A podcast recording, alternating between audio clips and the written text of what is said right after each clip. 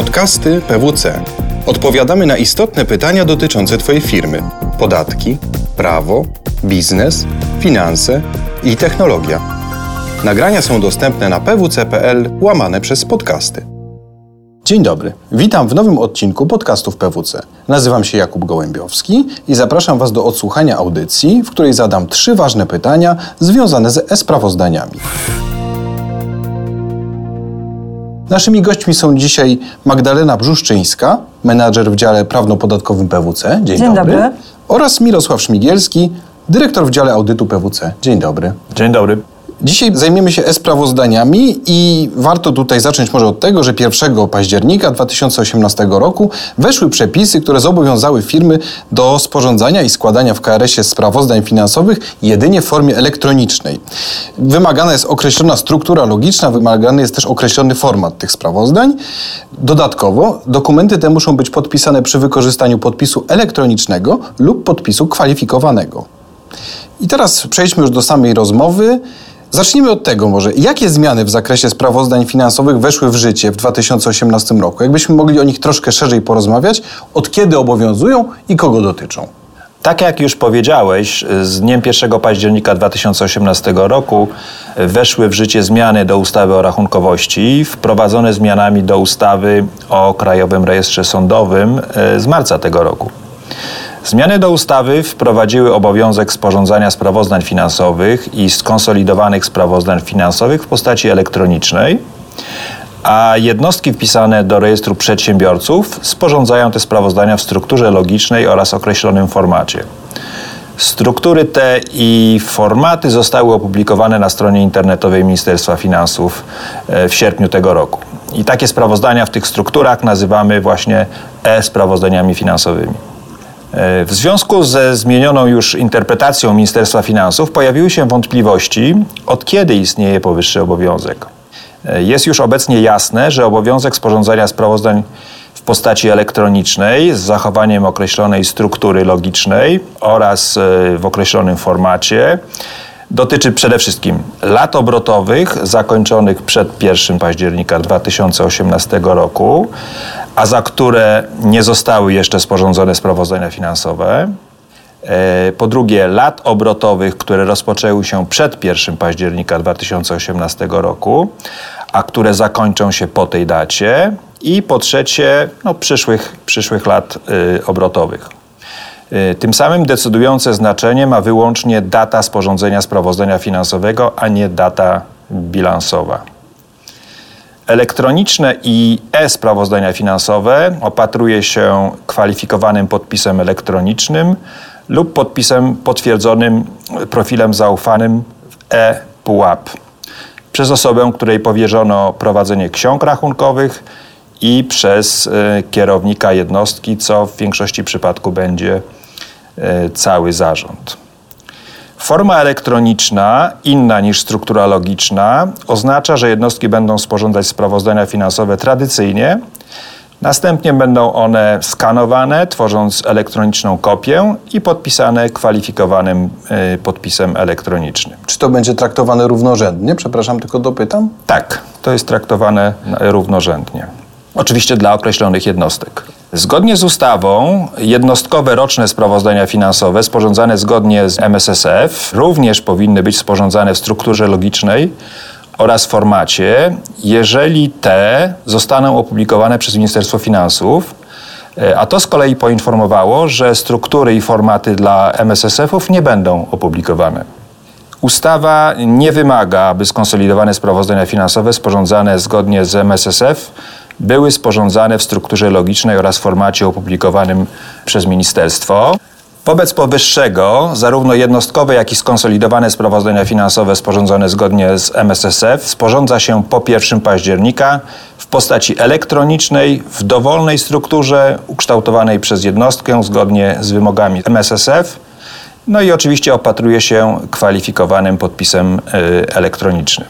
Zgodnie ze znowelizowaną ustawą o rachunkowości, sprawozdania z działalności, sprawozdania z działalności grup kapitałowych również sporządza się w postaci elektronicznej i opatruje się kwalifikowanym podpisem elektronicznym.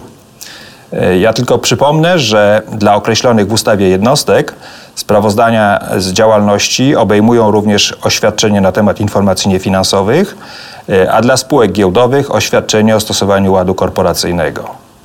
I również dla porządku przypomnę, że sprawozdania z płatności skonsolidowane sprawozdania z płatności, o których mowa w ustawie o rachunkowości, także sporządza się w postaci elektronicznej oraz opatruje się kwalifikowanym podpisem e, elektronicznym.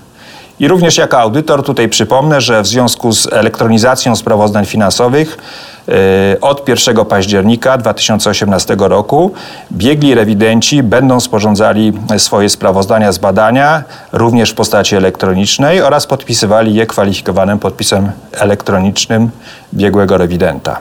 Obowiązek ten dotyczy sprawozdań z badania, sprawozdań podmiotów wpisanych do KRS-u. I o tym też warto pamiętać. Ale przyjrzyjmy się jeszcze samym sprawozdaniom finansowym. Tutaj kieruję moje kolejne pytanie do Magdy. Jak technicznie wygląda sprawozdanie finansowe i jakie zawiera elementy? Czy mogłabyś nam trochę o tym opowiedzieć? I jeszcze może, jakbyś mogła dodać, w jaki sposób powinno ono zostać prawidłowo sporządzone? Tak jak e, wspomniał mój przedmówca, obecnie dla wszystkich podmiotów, które sporządzają sprawozdanie finansowe zgodnie z ustawą rachunkowości, obowiązuje forma elektroniczna. Bardzo ważne jest to, co to jest ta forma elektroniczna. Zostało dokładnie sprecyzowane, że sprawozdanie finansowe musi być sporządzone według określonej struktury logicznej. Co to oznacza? Oznacza to, że w tym momencie takie jednostki, które zgodnie z ustawą rachunkowości sporządzają sprawozdanie, nie mogą sporządzić sprawozdania dotychczasowej formie i na przykład zapisać je w formie PDF-a i ten PDF podpisać, tylko powinny sporządzić to sprawozdanie zgodnie z określonymi regułami. Co to są te reguły? Ministerstwo Finansów na swojej e, stronie w Biuletynie Informacji Publicznej zamieściło definicje, tak zwane schemy XSD, które dokładnie określają właśnie strukturę tego pliku technicznego, czyli tego pliku XML, który finalnie jest jedyną właściwą formą, w której sprawozdanie finansowe powinno być sporządzone. Czy taki plik wzorcowy można pobrać, czy trzeba przygotować go samodzielnie? Tak, właśnie na stronie Ministerstwa Finansów można pobrać te definicje tego pliku pliku XML. Tak naprawdę tam jest kilka schem XSD, tak się nazywają te schemy, które definiują, jak ten plik ma wyglądać. Na dodatek warto podkreślić, że w tym pliku XML gro danych jest w formie ustrukturyzowanej, część danych jednak można umieścić w formie załącznika. Co to znaczy? Oznacza to, że takie elementy sprawozdania finansowego jak wprowadzenie, e, bilans, rachunek zysków i strat, zestawienie zmian w kapitale, rachunek przepływów pieniężnych, jak również jedna nota, która pokazuje rozliczenie różnicy między wynikiem finansowym a podstawą opodatkowania, muszą zostać sporządzone e, w formie ustrukturyzowanej, czyli dokładnie mamy zdefiniowane w tym momencie, w jakich polach w tym pliku, jakie elementy właśnie tych e, sekcji, o których wspomniałam, sprawozdania finansowego muszą się znaleźć. I ta forma forma jest określona, są wymogi techniczne co do każdego z tych pól i musi zostać zachowana.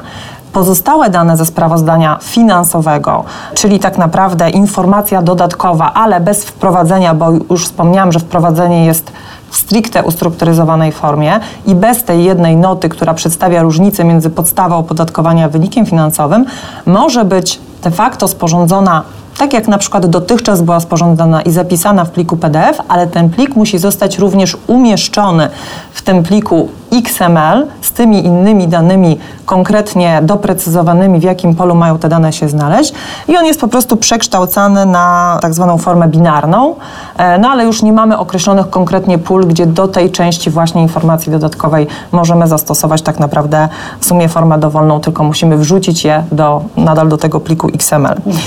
Wydaje nam się, że pomimo, że ustawa obecnie narzuciła obowiązek sporządzania właśnie w stricte określonej formie technicznej sprawozdania, nadal będzie funkcjonowała forma taka tradycyjna, nazwijmy to. Z uwagi na to, no, że jednak sprawozdanie, poza tym, że musi zostać sporządzone, no, służy przede wszystkim do tego, żeby ocenić sytuację majątkową, finansową jednostki, więc e, pewna wizualizacja w takim przystępnym dla e, odbiorcy formie na pewno będzie też potrzebna nadal. Okej, okay, bardzo Wam dziękuję za takie precyzyjne nakreślenie tego tematu. Mam takie pytanie na zamknięcie.